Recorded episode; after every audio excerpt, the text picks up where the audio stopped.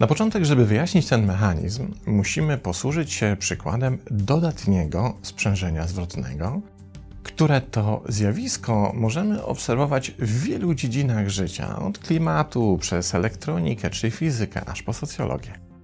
I przy tej ostatniej się na chwilę zatrzymamy, by przyjrzeć się rodzajowi reakcji łańcuchowej na przykładzie schematu Ponziego.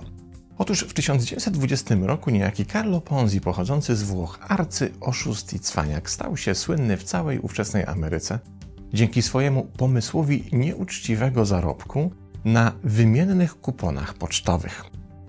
Bez specjalnego zagłębiania się w szczegóły możemy powiedzieć, że Ponzi był twórcą jednej z pierwszych piramid finansowych, do których przyciąga się zainteresowanych inwestorów obietnicą szybkiego i wysokiego zysku. Trik zaś polega na tym, że tenże zysk jest wypłacany z wpłat kolejnych inwestorów, bo całe przedsięwzięcie jest jedynie oszustwem. Ale w schemacie Ponziego pojawia się zjawisko dodatniego sprzężenia zwrotnego. Im więcej inwestorów wpłaca swoje środki oszustowi, tym on dysponuje większym kapitałem i tym większą zdolnością do wypłacania niby zysku dotychczasowym inwestorom, co zaczyna uwiarygadniać przedsięwzięcie i przyciąga kolejnych naiwnych. Oczywiście prędzej czy później każda piramida finansowa się rozsypuje, bo zostaje przekroczona jej masa krytyczna. Ale w pierwszej fazie funkcjonowania to, co ją utrzymuje na powierzchni, to właśnie dodatnie sprzężenie zwrotne. Posługując się fizyką, moglibyśmy powiedzieć, że to zjawisko, w którym sam fakt wystąpienia odchylenia układu w konkretnym kierunku powoduje, że odchylenie zaczyna przybierać na sile. Sprzężenie zwrotne ma również miejsce w naszym układzie emocjonalnym i najczęściej z jego wpływu na nasze funkcjonowanie nie zdajemy sobie sprawy. Pokażmy to na przykładach. Oto Mirek się nie wyspał. Wstaje rano i zanim się jeszcze dzień nie zaczął, on już czuje zmęczenie. To zmęczenie wprawia go w kiepskie samopoczucie. Generalnie nic mu się nie chce. Nie ma w sobie odpowiedniej dozy energii, by oddać się rutynowym czynnościom dnia. Odczuwa więc rodzaj poddenerwowania i niechęci do życiowej aktywności. W efekcie tego samopoczucia w jego emocjonalnym systemie drzwi do odczuwania negatywnych emocji otwierają się na oścież, bo w takim stanie przygnębienie, apatia, smutek czy złość mają dużo łatwiejszy dostęp do systemu i oczywiście się w nim pojawiają. Mirek nie dość, że jest niewyspany i zmęczony, to jeszcze zaczyna odczuwać również rodzaj przygnębienia, smutnego wycofania i irytacji swoim własnym życiem. Kiedy rejestruje te emocje, jego nastrój się pogarsza jeszcze bardziej. Jest już pewne, że musi zrezygnować tego dnia z zaplanowanych aktywności, bo nie jest w stanie się ani za nie zabrać, ani też żadnej z nich ukończyć na satysfakcjonującym poziomie. Teraz przyjrzyjmy się Oli, która jest tuż po dość nieprzyjemnej rozmowie ze swoją szefową działu.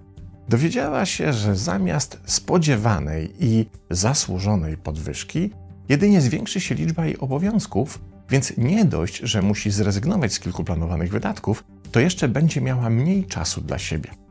Ola wraca więc z pracy do domu w dość kiepskim nastroju. Odczuwa negatywne emocje, które pojawiły się w efekcie dzisiejszych wydarzeń: złość, poczucie bezradności i beznadziei oraz przygnębienie.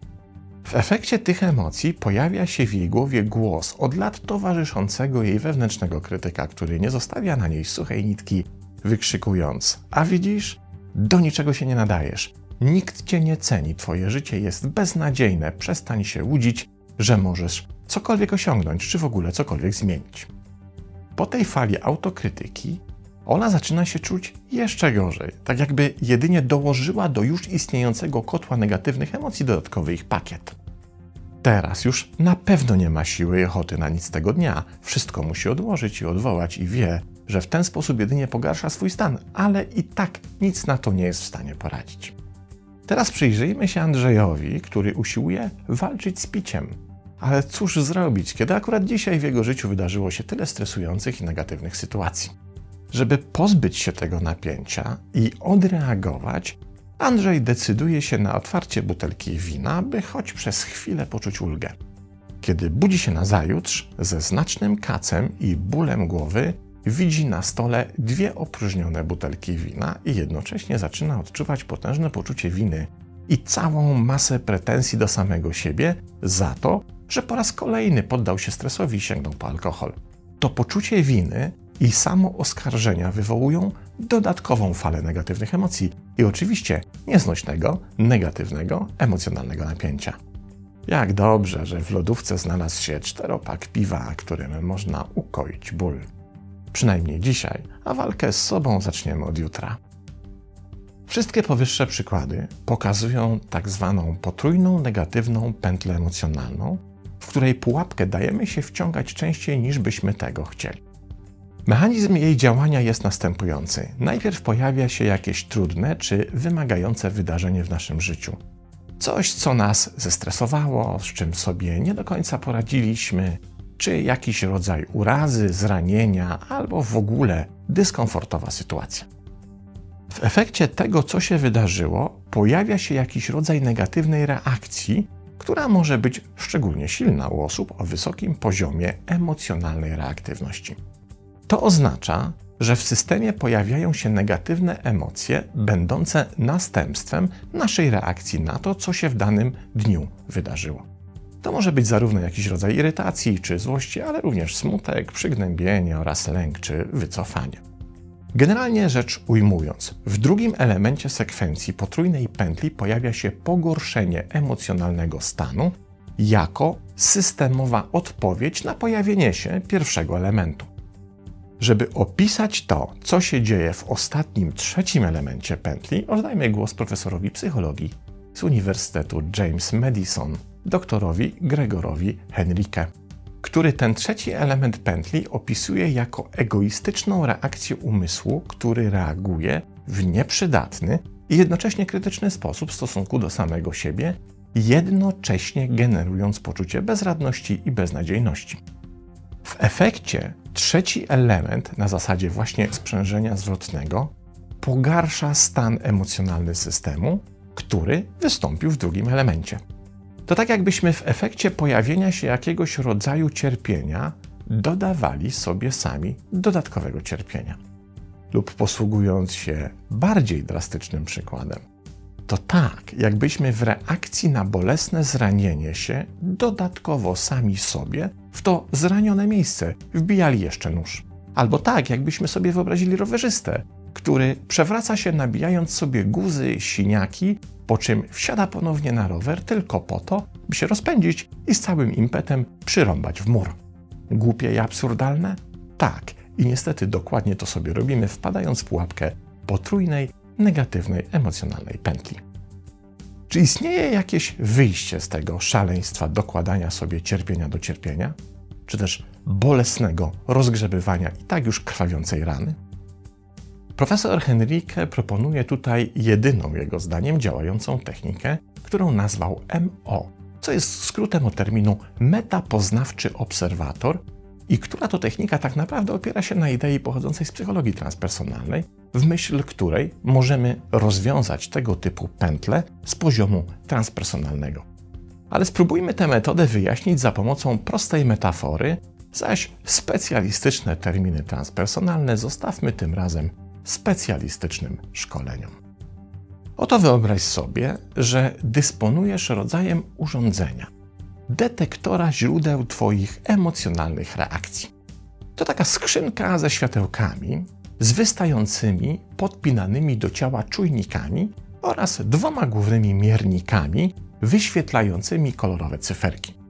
Urządzenie to mierzy, jak się czujemy, jednocześnie rozbijając nasze emocjonalne samopoczucie na dwa rodzaje reakcji. Pierwszy miernik pokazuje procentowy udział reakcji na dane negatywne wydarzenie, czyli to, co w potrójnej emocjonalnej pętli stanowi jej drugi element. A drugi miernik mierzy procentowy udział w naszym samopoczuciu pochodzący z trzeciego elementu pętli. Teraz wyobraź sobie, że w Twoim życiu pojawiła się trudna, stresująca czy bolesna sytuacja, w efekcie której Twoje emocjonalne samopoczucie znacznie się pogorszyło. Podpinasz więc do siebie czujniki i obserwujesz pomiar wskazywany przez obydwa mierniki. Pierwszy miernik pokazuje liczbę 40, a drugi 60, co oznacza, że jedynie 40% Twojego obecnego samopoczucia jest wynikiem tego, co się wydarzyło, bo 60% tego, jak fatalnie się teraz czujesz, jest wynikiem trzeciego elementu, czyli tego, jak negatywnie zareagowałaś czy zareagowałeś na swoją własną negatywną reakcję na to, co ci się przytrafiło. Co się stanie, kiedy spojrzysz na te dwa pomiary? Najprawdopodobniej uzmysłowisz sobie, zaraz, zaraz, tak naprawdę czuję się źle tylko na 40%, a te pozostałe 60% to negatywna reakcja, którą dowaliłem czy dowaliłam sama sobie na własne życzenie. Już sam fakt uświadomienia sobie skali działania drugiego oraz trzeciego elementu pętli, czyli dostrzeżenie tego, co w naszym samopoczuciu jest efektem pierwszego, a co drugiego, jednocześnie otwiera drzwi do możliwości wyskoczenia z potrójnej pętli. Chyba, że jesteśmy celowym, emocjonalnym masochistą, ale to już inna kwestia.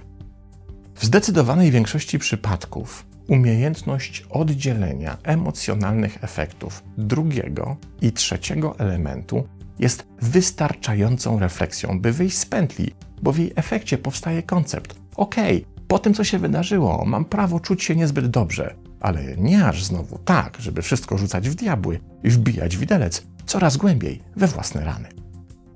Oczywiście podłączenie urządzenia z czujnikami to wyłącznie gra naszej wyobraźni, bo sam metapoznawczy obserwator to koncept, w którym staramy się spojrzeć na własne emocjonalne reakcje, starając się w miarę uczciwie i obiektywnie rozsądzić, co jest tak naprawdę ich źródłem.